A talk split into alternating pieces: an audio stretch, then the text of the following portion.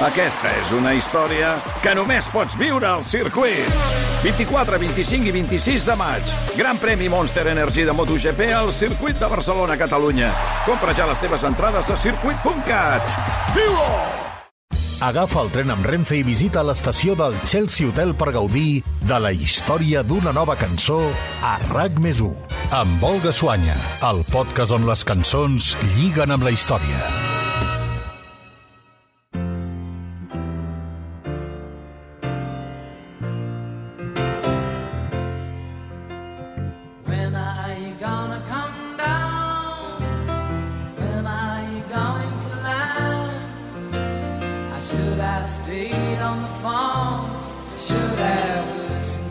Goodbye Yellow Brick Road és una de les cançons més populars d'Elton John.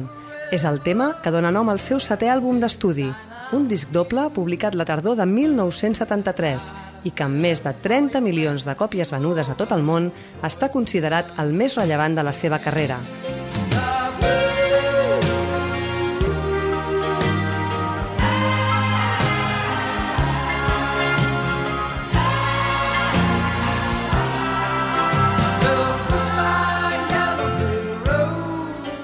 Gairebé totes les peces de la discografia d'Elton John, aquesta és una cançó fruit del tàndem professional que durant més de mig segle han format el músic britànic i el lletrista Bernie Taupin. Els dos artistes es van conèixer el 1967 gràcies a un anunci publicat al setmanari New Musical Express, on la discogràfica Liberty Records buscava nous talents.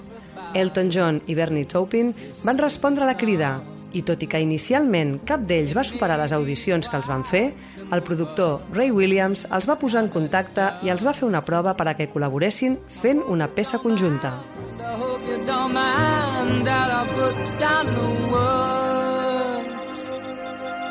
How wonderful life is while you're in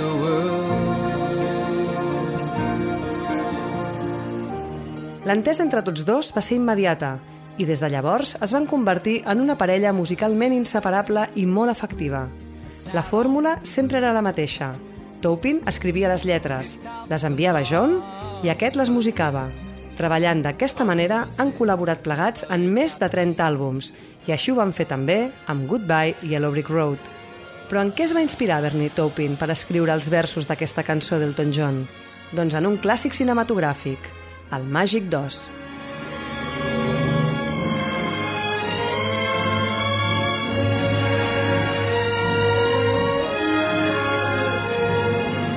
Basada en la novel·la infantil de Lyman Frank Baum, aquesta és una pel·lícula musical dirigida per Victor Fleming on Judy Garland dona vida a Dorothy, una nena que és arrossegada per un tornado fins a una terra de fantasia. Allà es troba amb bruixes bones i malvades, un espantaocells que parla, un lleó covard, un home de llauna i un reguitzell de personatges extraordinaris que l'acompanyaran en la seva aventura.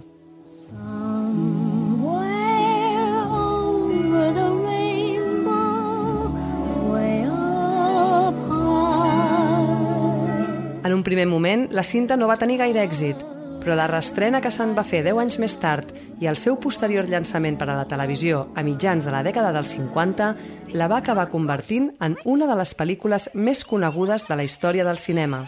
Follow the yellow brick road. Follow the yellow brick road. Follow the yellow brick road. Follow the yellow brick road. Follow the yellow brick road. Follow the yellow brick road. Follow the yellow brick road. Follow, follow, follow, follow, follow the yellow brick road. Inspirant-se en l'escena on Judy Garland segueix el camí de maons grocs a la pel·lícula dirigida per Victor Fleming, Taupin va escriure el 1972 una història sobre l'amistat i les arrels perdudes. Goodbye, En aquell moment, Elton John triomfava als Estats Units i començava a treballar en les cançons d'un doble àlbum que es presentaria l'any següent en una sèrie de concerts per tot el territori americà. Incorporant algunes referències a la història de Dorothy, Taupin va compondre uns versos que reflectien les diferents ambicions personals de tots dos artistes. Mentre el músic s'encaminava amb pas decidit cap al món de la fama i s'abonava l'estil de vida opulent de les estrelles, el lletrista optava per un perfil més baix intentant mantenir-se amb els peus a terra.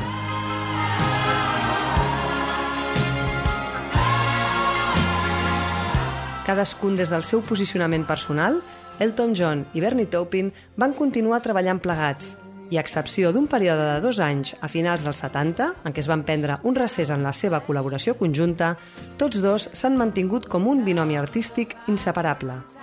De fet, al març de 2007, en el concert de celebració del 70è aniversari d'Elton John, celebrat al Madison Square Garden de Nova York, Taupin va aparèixer per sorpresa i va dirigir unes boniques paraules al músic sobre els seus 40 anys de feina plegats.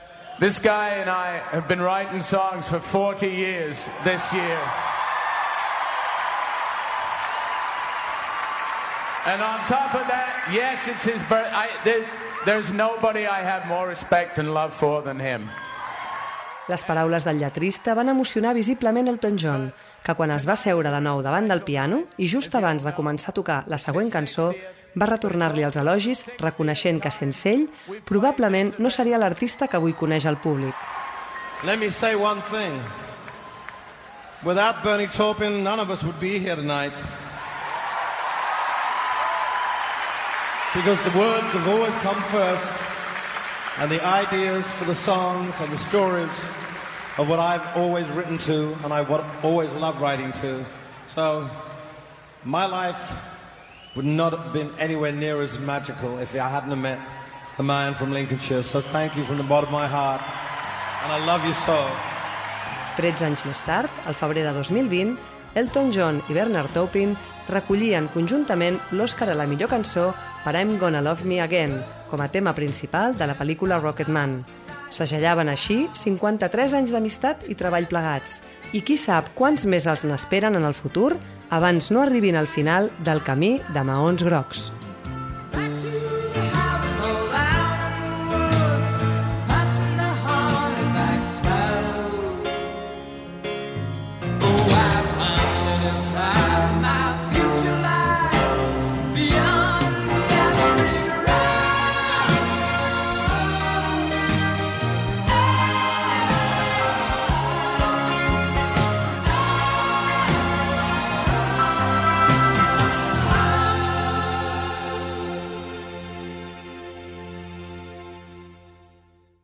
El tren de Renfe, amb parada a Chelsea Hotel, reprendrà el seu viatge i tornarà dissabte que ve amb noves cançons a RAC més 1, amb Olga Suanya, el podcast on les cançons lliguen amb la història.